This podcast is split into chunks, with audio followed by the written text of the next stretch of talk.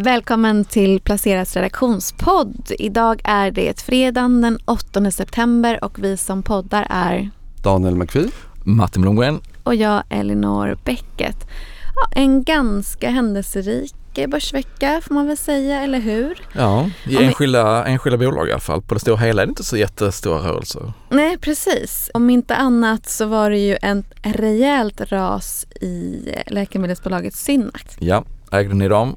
Nej. Inte ännu. Inte ännu. Nej. Alltså, Nej jag ska faktiskt inte skoja om Nej. det. Verkar ju rätt trist för många. Men eh, nej jag Nej, äger jag inga. Jag har i och för sig varit inne i lite sådana typer av bolag tidigare och bränt mig ganska rejält. Mm. Men eh, det är så det brukar sluta för ja, ganska ofta. Har du varit inne i, i något sån typ av bolag och inte bränt dig?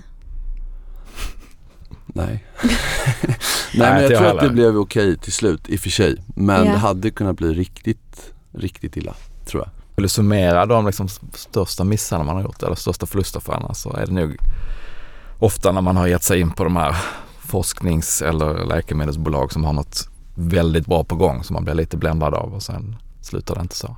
Det är Tyvärr. väldigt benärt. Det är eh, ofta otroligt binärt och det finns ju så vansinnigt många utav dem också. Det är väldigt, väldigt dyrt att ta fram läkemedel och därför är det många som söker sig till börsen och eh, över 200 bolag finns noterade som är inom hälsovård. Mm. Och en väldigt liten andel är ju faktiskt lönsamma. Bara i Stockholm. Precis. Huvudlistan har väl ungefär 50.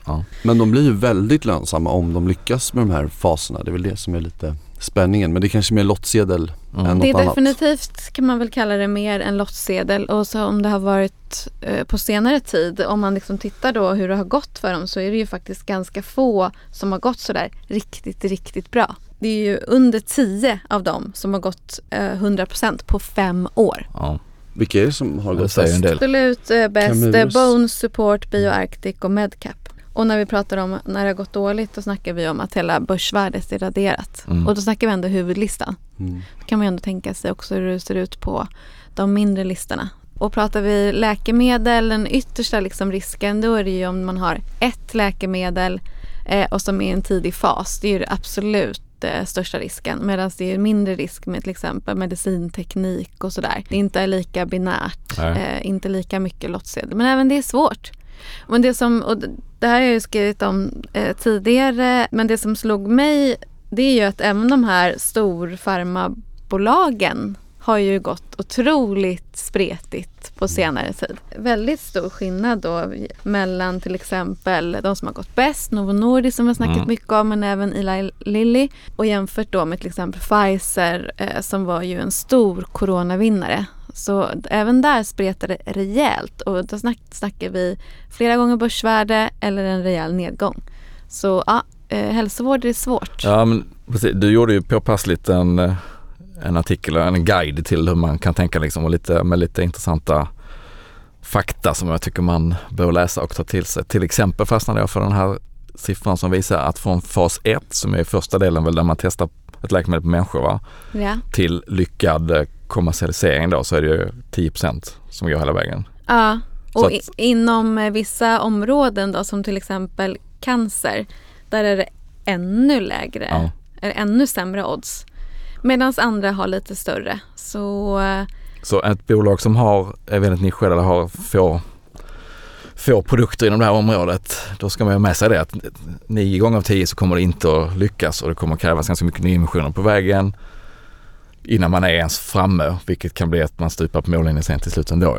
Så att alltså den här liksom sannolikhets, hur man värderar det då, att man tar en sannolikhet för att det lyckas och hur stor är marknaden om man lyckas, då får man ju fram någon slags sannolikhetsviktat värde på marknaden och aktien.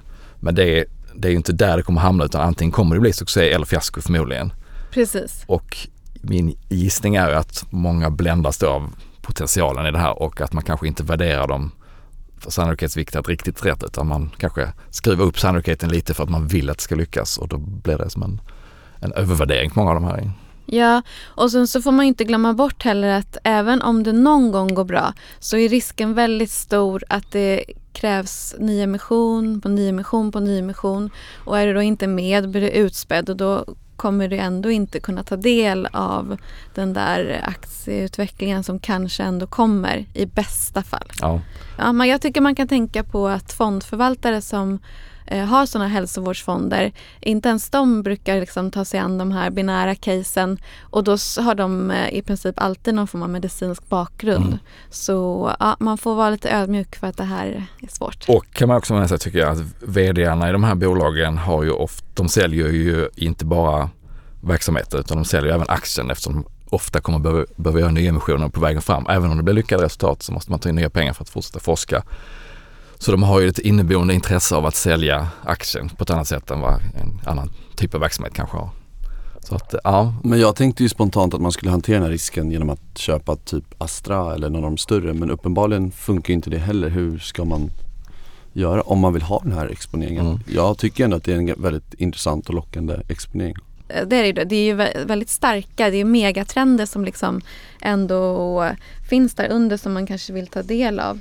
Nej men jag, eh, jag tror nog ändå att eh, om man är en vanlig sparare så kanske ändå fondsparandet är den rätta vägen att gå. Alternativt att man faktiskt tittar då på de lite mer etablerade bolagen och ser vad tror man själv på i vilka områden vill jag vara framöver? Och då kan man ju då titta om då till exempel Novo Nordisk är mer inriktade mot eh, fetmaläkemedel till exempel. Då, då kan man utgå från det. Men eh, ja, det skulle jag göra. Och jättarna har ju också muskler att de kan ju vänta till ett litet forskningsbolag har kommit till station 3 och är nära kommersialisering. Där de, alltså, de kan ju ta bort den här första risken genom att köpa upp de här bolagen när de närmar sig kommersialisering. Men du har väl varit Ja. lite eh, amerikansk läkemedelsinvesterare? Eh, jag tror du drar det rätt långt. Nej, vi har varit inne i, jag har varit inne i Pfizer nyligen. Jag tyckte det var lite spännande. Men för var det de inte ett- mindre bolag som ändå blev ganska Den bra gick till slut? dåligt. Eh, och sen var jag inne i uh, Abcellera som ju då gör, eh, hjälper läkemedelsbolagen med big data för forskning sådär. Ja. Gick skitdåligt. Så att jag har bränt mig de flesta gånger jag varit inne där. Meda har jag förlorat pengar på någon gång i tiden. Massa. Novo Nordisk har i och för sig inne i Ja. med gott resultat. Men hoppade jag för tidigt. Tre gånger pengarna på fem år, Novo Nordisk. Svänger där också. Ja, det gör ju det. Precis som i H&M va? Svänger också en del eller? Det svänger mycket i retail. Clas Olsson kommer rapport i veckan. Som Ja, jag inte som har- har djupdykt i men den verkar ju vara väldigt bra. Ja. Så att det är inte bara crap Nej. bland konsumenterna. Men H&M, jag tittade på en intressant analys av egentligen av konkurrenten då, Inditex, Mm. som ju är Sara. bjässen i branschen. Precis, Zara är deras stora kedja men de har även Massimo Dutti och Bershka och Pull&Bear tror jag de heter. Inte Bull&Bear utan Pull&Bear. Men det som var intressant, de var väldigt positiva till den här, till Inditex då.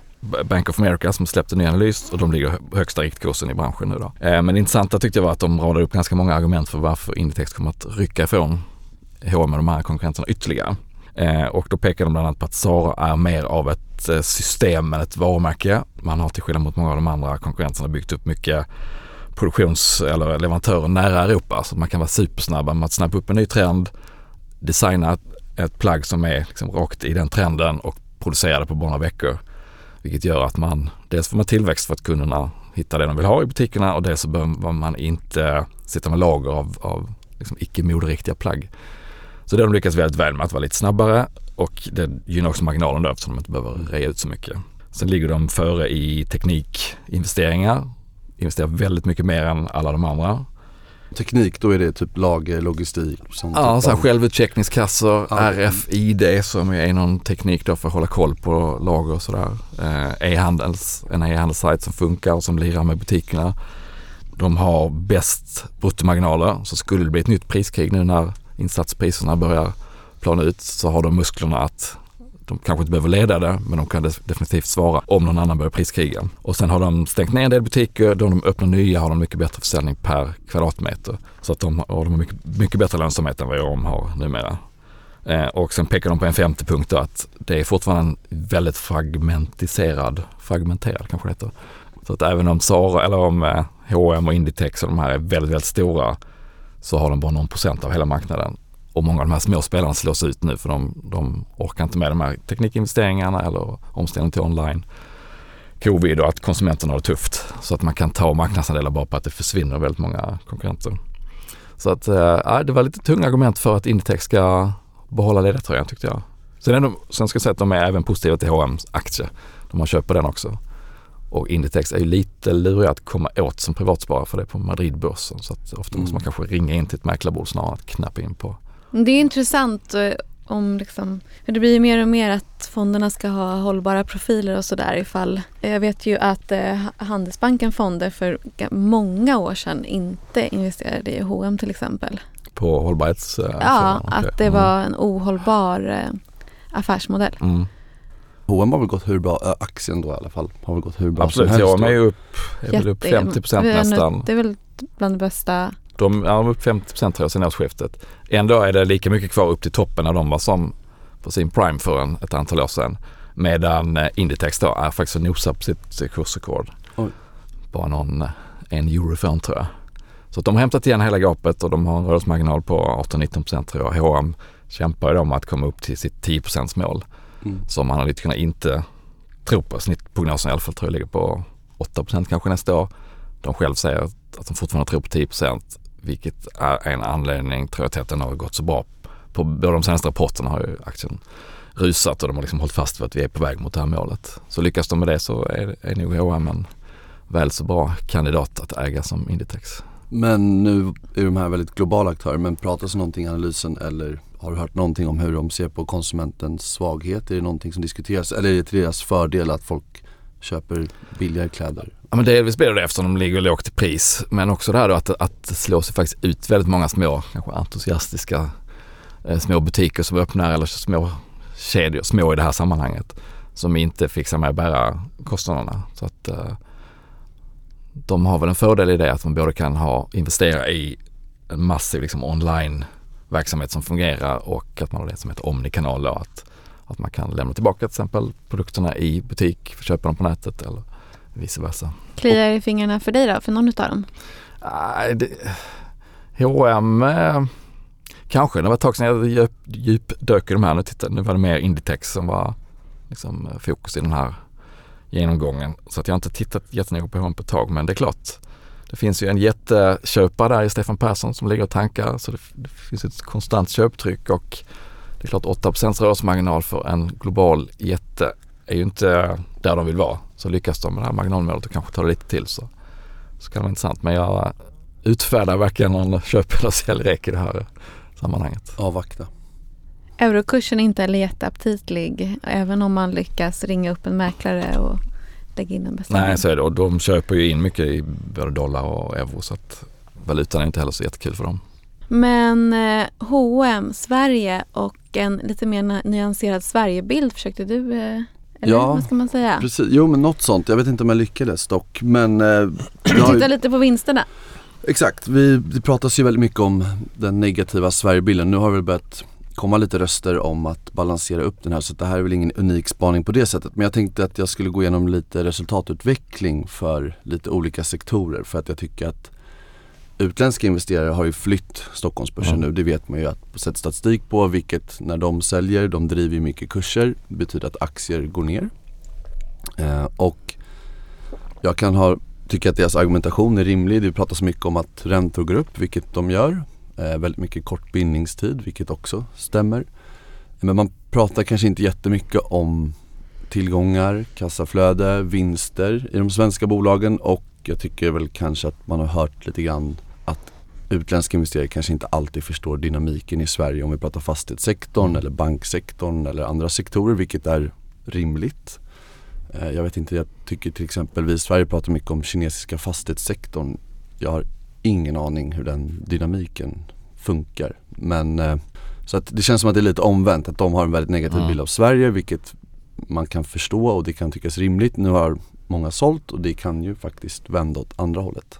Men är det inte att det är, att det är betraktat som en liten marknad för dem som man känner att Ja, vi kan, vi kan ha den och Risk- mista det liksom. Finns det inget case så kan man dra sig tillbaka. Ja, och det är Risk ganska, off, då drar vi oss ur Sverige. Lite så. ja, och det är väl ganska enkelt att säga att det är någon procent i en fond någonstans Mm. i USA. Det är väl bara att trycka på en knapp. Så vi viktar ner Sverige liksom. Ja, och det kan man ju förstå om man tittar Mm. på det på det perspektivet. Men om man kanske gräver lite djupare så kan man ju också eh, vinna på det. Eh, och det jag gjorde var att jag kollade på resultatutvecklingen i bankerna, fastigheter, lite hälsovårdsbolag och skogsindustri och vanlig industri. Och då tog jag de största bolagen vilket också betyder att det är väl rimligtvis kanske de som har gått bäst också. Så det ska man med sig. Men det, det som är, jag tar med mig mest det är ju egentligen bankerna. Man pratar mycket om att det kommer eventuellt smälla i banksystemet eller vissa pratar om det och utlänningar mm. älskar väl kanske inte svenska banker på grund av enligt dem då exponering mot banksektorn. Men tittar man på vad bankerna Fastighetssektorn Precis, bankernas exponering mot fastighetssektorn. Det har man lite svårt att kanske få insyn i men man kan ju tänka sig att aktieägare, obligationsinnehavare kanske åker på den även om bankerna kanske också får några, någon form av kreditförlust i, i systemet. Och mm. problemet är väl att när de blir rädda för en sektor så drar de ju också ner utlåningen till annan sektor. Mm. Så att det finns ju ett problem i, i liksom den frågan såklart. Men bankerna har faktiskt sedan 2018 fram till juni i år då, tillsammans de fyra, om vi tar Nordea, Handelsbanken, SEB och Swedbank tillsammans efter skatt tjänat 530 miljarder lite drygt. Men tittar man på liksom de absolut största fastighetsbolagen i Sverige så har ju de räntebärande skulder på ungefär 140 miljarder. Eh, alltså enskilt mm, varje, så runt 100 miljarder är mycket för ett fastighetsbolag och det är bland de största. Jag tycker det är intressant med Handelsbanken till exempel. De har tjänat 102 miljarder efter skatt, lite drygt till och med för nu har jag räknat bort de eh, verksamheterna som inte finns kvar längre som de har avvecklat. Men 102 miljarder efter skatt, börsvärdet är 185. Så att på ja, vad är det, drygt fem år så har de liksom tjänat in, mm. gjort efter skatt, tjänat in mer än hälften av börsvärdet. Ja men det ser man ju i deras P-tal också som är på något sätt det du säger omvänt då, att P-tal på sju, att man på sju år framåt kommer känna igen hela börsvärdet. Och de värderas då kring eh, finanskrisnivåer också. Ja och det som är intressant är om man pratar liksom lite flöden igen, det är inte bara utlänningar. Om man tar Oktagonen till exempel som är Handelsbankens tidigare avsättningar för personal. Eh, de, den är ju då ned, under nedmontering. Mm. Så tar vi bara i december förra året så sålde de ju 22 miljoner aktier och det som är lite kul, det är man inte riktigt van vid men oftast så håsas ju aktier väldigt mycket av ledning eller styrelse etc. Men här finns det snarare kanske en huvudägare som vill köpa ännu mer. Mm. Och då finns det ju ingen anledning att håsa det. Så du har säljare i oktagonen, du har utlänningar som inte vill äga och du har ägare och jag skulle inte påstå att vdn heller kanske håsar bolaget även om hon förklarar hur det går. Så att eh, det gör ju att ja, men man ser ju industrivärlden köper mm. hela tiden och de kan ju bara fortsätta tugga i eh, och få de här vinsterna som bara fortsätter komma. Alla fyra bankerna har dessutom tjänat betydligt mer första halvåret i år än vad de gjorde under första halvåret förra året. Och jag vet förra året, i höstas pratade alla om att krisen inte är här nu men den mm. kommer sen. Mm. Att skulle fastighetsoron lägga sig så finns det ju en uh, upp, uppfjädringspotential här som heter duga. Ja, och sen är ju liksom med de här resonemangen, problemet blir ju att om de utländska investerarna fortsätter tycka så här i flera mm. år, då, ja, den här dynamiken kan ju fortsätta väldigt länge men det kan ju vara bra att äga bolag som fortsätter tjäna pengar i alla fall oavsett. Mm. De delar ut pengar, eller väldigt mycket pengar och de tjänar mycket pengar och de värderas lågt. Om man tittar till mycket annat som värderas betydligt mycket högre. Som storbankskund kan man ju bara kika på vad man får för ränta på kontot jämfört med vad man betalar på sitt bolån så kan man ju förstå att det tjänar rätt mycket pengar. Men det låter som att du fastnar mest för eh, bankerna och Handelsbanken kanske om man ska titta på, okej okay, var, är, var är den här matchen mellan utlänningarnas syn på svenska sektorer och bolag jämfört med vad man kanske kan förvänta sig? Ja men det blir så. Fastigheterna, eller fastighetsbolagen har ju också ökat förvaltningsresultaten väldigt konsekvent där kan man ju dock se att det, det går ju att förvärva upp förvaltningsresultat. Mm. Så att det är ju skuldfinansierade förvärv som gör att, för jag har kollat på deras kassaflöden också, nu skrev jag inte ut det men deras kassaflöden växer ju också väldigt bra. Och där har vi i och för sig ganska mycket substansrabatter så det kan ju vara lite samma fenomen. Om man tar hälsovård, det är ju betydligt mycket mer bolagsspecifikt där det är inte lika cykliskt men du har istället massa regulatoriska utmaningar. Många av dem går också väldigt bra men det blir väldigt det är svårt att säga något generellt. Mm. Eh, tittar man i industrin, det är samma sak där. Det går ju väldigt bra. Det är rekordvinster varje år. Men där har vi andra värderingar också så att det är väl rimligt om vi ser att Atlas handlas på P 25 och vi ser avmattning i industrin. Mm. Ja, då kanske den aktien är Och så är lite de- mer rimligt värderad. De är ju så mycket mer globala än vad bank och fastigheter är också så att där är inte Sverige, ja, okej ett företag kanske har huvudkontor till Sverige men 95% av försäljningen någon annanstans och då är, det, då är det inte Sverige som är faktorn kanske på samma sätt. Nej och de är ju redan alltså, värderade på ganska Mm. höga nivåer och om man tittar skogsindustrin har ju också det senaste året varit lite mer avmattning. De bolagen går också väldigt bra, framförallt Billerud sålde ju sin skog till AMF, jag tror att det var 2019. Och då insåg ju de andra skogsbolagen att oj, de, våran skog är värd betydligt mycket mer så i samband med det så valde de att värdera upp skogen. Ja, nej men eh, kontentan är väl att resultatutvecklingen för de svenska bolagen av flera skäl. Det finns ju valuta, det finns globalt, massa faktorer. Och samtidigt som sagt att argumentationen kring de utländska investeringarna kan man förstå. Jag i alla fall och jag tycker andra kanske ska kika på att köpa de som fortfarande tjänar mycket pengar. Mm. Och ta vara på att någon som förmodligen då har sämre koll än vad du har tycker att det här är Mm. skit. Mm. Ja det är så man tjänar pengar på börsen när någonting är nedpressat av en orsak som kanske inte spelar ut sen så, så finns det potential. Mm. Mm. Men du är inne på lite på flöden där, att det är viktigt. Eh, Såg ni det här i veckan att John Fredriksens, vad ska man säga, fond eller family office-bolag tillsammans med gamla Odin-förvaltaren eh, Vegard som startade för några år sedan. Jag kan inte uttala det, At- Aternum. Aternum, Aternum. Aternum. Attendum. De äger ju en massa svenska småbolag, Mm. små och mellanstora bolag. Ja. Och nu vill Fredriksson ut, vilket jag tror det var Finansavisen i Norge som avslöjade idag. Eh, vilket omedelbart då satte press, även om det kommer ta lång tid att sälja de aktierna, så satte det direkt press på en massa av de bolagen som Bland annat Som man äger. Skistar. Skistar, Itab, AQ, vilka var det mer? Adnode. Adnode. Ja. Det är Men- intressant. Sen Mm. visade det sig väl att de kommer förmodligen inte att sälja aktierna för att ge tillbaka pengar till Fredriksson utan de kommer kanske att ge honom aktier. Men Som han säljer. som han kanske säljer, precis det vet man inte. Men det ligger väl i den så kallade farans riktning. Jag läste senare bara om, eller jag ska ju säga att det kommer vi till sen, men jag köpte Mm. faktiskt lite Adnode när den gick ner. För att jag hade kollat, de hade ju lite problem i Q2 och vinstvarnade.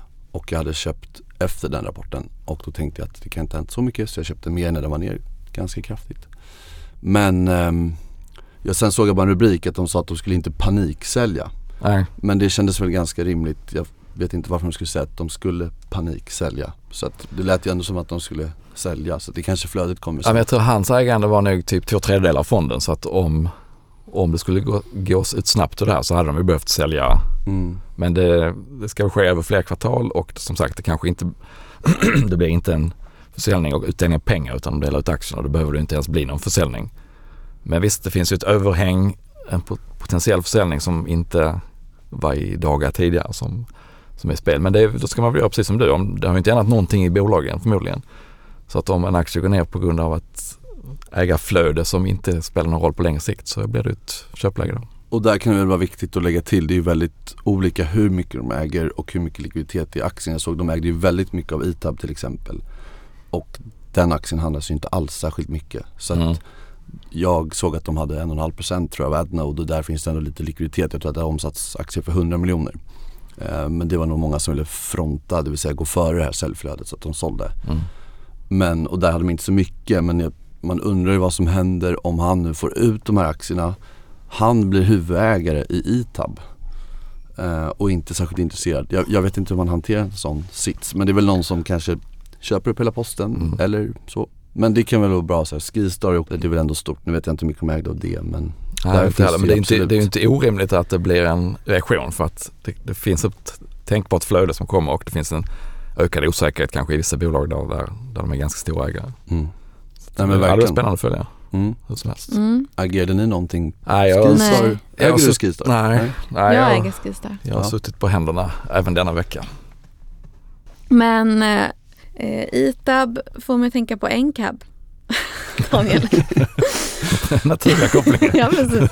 Ja, nej men och vi vet ju fort, jag vet ju fortfarande inte om det är Encab eller NCAB så att, Encab eller NCAB. Ja, de hade ju faktiskt eh, rapport för några veckor sedan så att det här är lite Men säga- kapitalbanksdag i veckan väl? Ja precis, som jag såg, eh, tittade på. eh, digitalt. Eh, så att den tittade jag Modernt.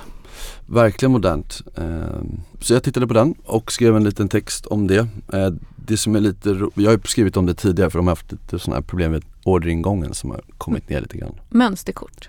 Gör mönsterkort, precis, vilket är då bottenplattan i ett kretskort. Så att om du tänker, jag säger den här plastdelen, det kanske inte är en väldigt avancerad tek- Är den här gröna liksom oftast? Ja, nu är jag ja. färgblind men Ja. den är väl någon färg. Du har hört att den är grön? Hört att den är grön och sen så adderar man ju på alla elektroniska Chips. komponenter. Är chipsen? Precis, Ja. chipsen och chips är ju väldigt dyrt och elektroniska komponenter är dyrt så det är väldigt viktigt att den här plattan är anpassad efter produkten och har hög kvalitet. Mm. De gör ju också bara mönsterkort till mer avancerad teknik. Det kan ju vara liksom ett tåg eller en industrirobot eller så att egentligen alla mönsterkort de gör är specialanpassade.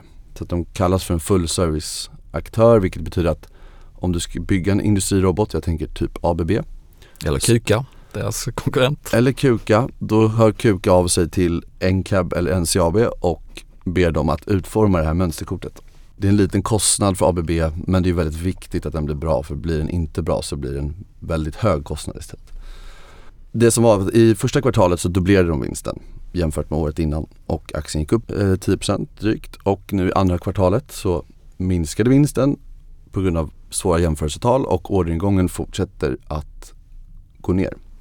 Och aktien gick istället ner Mm. drygt 10%. Den har gått väldigt bra på lite längre sikt men väldigt dåligt på kort sikt. Den har gått 700% sedan noteringen 2018 och det som jag tycker är intressant, de har ju tiodubblat vinsten. Tittar man på kassaflödet så är det 20 gånger bättre, än, eller högre ska jag säga, än innan. De är ju någon form av förvärvare men eftersom att de har så bra kassaflöden så har de ju finansierat mycket själv även om de har en skuldsättning som idag inte är så hög men Mm. den finns. De äger inga egna fabriker vilket gör att de har egentligen personal som är i fabrikerna och ser till att det blir som de vill. Men det gör att deras business blir kapitallätt. Vilket är ju bra om man vill tjäna mycket pengar. Så att det jag skrev i alla fall, den handlas ju till 23 gånger vinsten för nästa år. Det är ju inte billigt, inte dyrt men har handlats betydligt högre tidigare.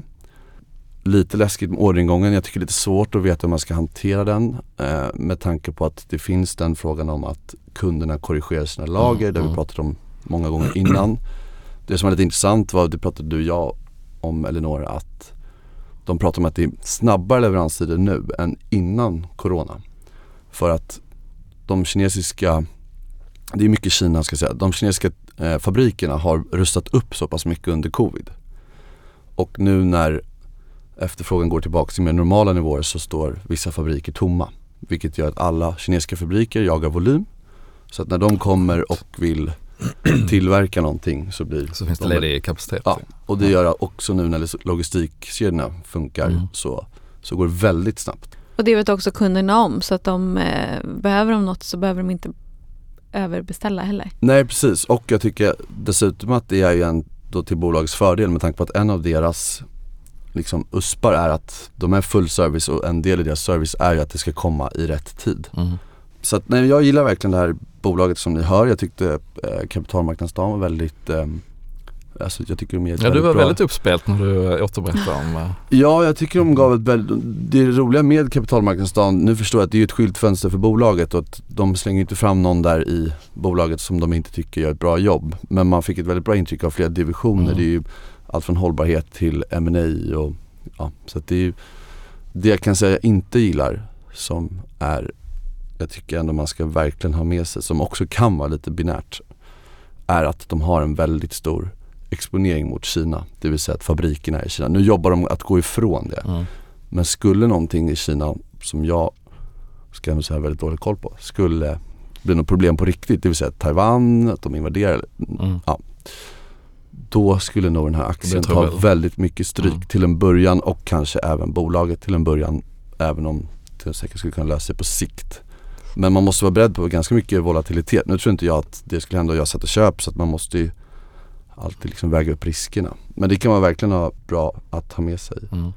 Okej skuldsättning då antar jag också eftersom du sätter. Ja, alltså att man skulle sätta in på någon miljard och att det var en, jag tror att det är strax över en gång ebitda vilket, ja det är ju skuld och de kommer få ökade räntekostnader men det är ju inte på några skrämmande Ja. höga nivåer. Man brukar ju prata om att två, tre gånger ebitda är väl lite, lite max Mm. sådär. Äger du den själv? Lite grann. Mm. Eh, den är där. Men eh, Där jag jobbar. ja, den har inte gått så bra. Jag tror att jag ligger nog kanske med back eller plus minus noll. Jag vet att jag hade lite mer förut och har sålt lite grann. Den har ju gått väldigt bra innan och sen som många andra aktier då kommit ner Mm. efter 2021. Jag tror Ja. att den toppar över 100 nu, är den väl runt 63. Och apropå det då. Egna affärer. Du hade inte gjort något Martin? Nej, jag har inte gjort någonting. Jag sitter och avvaktar. Tänker att jag ska köpa lite småbolag under hösten någon gång. Eller bara öka i dem jag har kanske. Men eh, ja, jag väntar lite på, jag tror det kommer komma någon sån här sura veckor när alla är livrädda för någonting. Köpa då istället. Så jag sitter kvar med en portfölj som jag är ändå ganska nöjd med. Ni då? Jag hade ju säljvecka. Säljvecka? Säljvecka förra veckan. Så Ja, du skulle, precis, du skulle ju lite. bygga en ja. loserportfölj. Ja, men lite i det som jag har ju då tidigare varit positiv till. Eh, av någon anledning inte eh, gått in i eller redan gått in i. Men så jag köpte Railers Knowit och eh, Nordic Waterproofing på Mm. temat det är inget vi vill titta åt för tillfället. Så vi får se om det är alldeles för tidigt. Eller om, eh, och det var inga jättestora poster så jag kan tänka mig att fylla på om det går ner lite mer. Och de aktierna, du säger, vi pratade ju tidigare, loser-portfölj. De aktierna har inte gått särskilt Nej bra men det är sådana som, det, jag, det var Det ska bara bli losers nu. Det, blev ett, det var bara ett skämt förra eh, veckan men jag har fått den frågan nu. Vad är det i loserportföljen? Eh, men eh, det är precis sådana som man kanske inte är så jätteglad eh, åt just nu. Mhm. svenskt, småbolag och eh, inte så omtyckta branscher men ändå bra Mm. bolag. Är väl lite temat. Det pratade vi väl om förra veckan men om två, tre, fyra år om man tittar tillbaka så kommer man nog ha ett par bolag som har gått, eller aktier som har gått väldigt bra i den här sektorn. Ja, om man men är jag, uthållig. jag tänker att det kan bli några jobbiga månader här kanske. Mm. Eh, men då, då får, det får man väl stå ut med. Får vi köpa mer. Något som jag tänkte var apropå, nu har jag inte gjort slagits, slagits, Slagit någon. slagit slag i saker, vad säger man? Ja, jag har inte tagit tag i det, men det som jag tänkte på är gick in på barnens sparande som är så här globalfond. Det har gått upp 20 procent i år. Mm. De är ju ofta väldigt USA-tunga också får man dollarn på köpet. av. Ja, det är precis. Så ja, där blir jag nästan lite sugen på och jag försöker att inte göra så mycket med det där eh, Mm. för att jag vill inte gå bort mig i det. Men eh, man blir nästan lite sugen på att ändra om lite där Mm. för det känns lite ohållbart i längden. Ja, det var bara en liten parentes. Daniel? Mm, eh, jag har väl gjort lite grann. Jag har gjort några mindre korrigeringar bara som är helt irrelevanta och inte av värde att prata om. Men sen har jag också sålt lite Atlas. Jaså? Lite Atlas. Du tog nästan lite illa upp där. Ja, han blev kränkt. Lite på, ja återigen, jag måste ju sälja något för att kunna köpa något. Mhm. Så att det ska man ha med sig. Och jag äger fortfarande mycket Atlas. Men lite industri, eh, om jag nu, det har gått väldigt bra aktien och värderas högt och lite lägre industrin. Sen vet jag att det alltid är fel att sälja Atlas så att jag gör ju någonting fel. Men eh, man kan väl inte göra allt Ja, rätt själv. antar jag. Eh, nej och sen köpte jag lite Adnode då, som vi pratade om Ja. innan och det var på det temat att eh, Fredriksson-faktorn. Ja exakt. Eh, sen kan ju det vara fel även fast den kanske ska ner ännu mer. Men eh, den börjar ju nästan vara flätt på tre år. Bolaget har gått väldigt bra. Nu har de haft lite problem ska jag säga och de har ju vinstvarnat och det var ju tydligt. Men lyssnade på Q2 tyckte jag ändå lät ganska bra. Och om man nu ska ha den i några år till så gillar jag bolag. Det är ett sånt här superälskat bolag av alla förvaltare tidigare. Men nu verkar ju ingen vilja äga det. Men det det är kanske är lite nu. loser-portfölj. En av de här men förvärvskanonerna? Det, exakt, alltså, det pratade jag lite med Ludde om tidigare. De här mellan eh, liksom, skiktet av eh, serieförvärvare där också faktiskt till exempel Nordic Waterproofing hamnar också. Mm. Eh, och även Knowit. Det- Att det kanske är där man kan hitta en och annan nu. Få lite utväxling på det Mm. framöver. Ja, sen jag funderar ju på om man skulle likvidera hela portföljen och bara köpa bank. Men det känns ju Lite kanske, defensivt. eller? apropå att göra fel. Ja, men de tjänar ju brutala pengar och värderingarna är brutalt låga så att riskjusterat borde det ju bli ganska bra. Tänker jag. Men eh, jag kommer inte göra det. Det finns ju skäl att inte lägga alla ägg i samma korg. Så är det ju. Därför tänker jag köpa alla annat. fyra banker. Bra tänkt. Nej, det, det var faktiskt, det ska jag såklart inte göra. Men eh, uppenbarligen finns det många bolag som tjänar Ja. pengar som är lågt värderade. Så att det blir spännande, som alltid. Men nu tar vi helg, eller hur? Ja det gör Ja, vi. Det gör vi. Absolut. Definitivt. Tack för att ni har lyssnat och trevlig helg. Trevlig helg. Trevlig helg.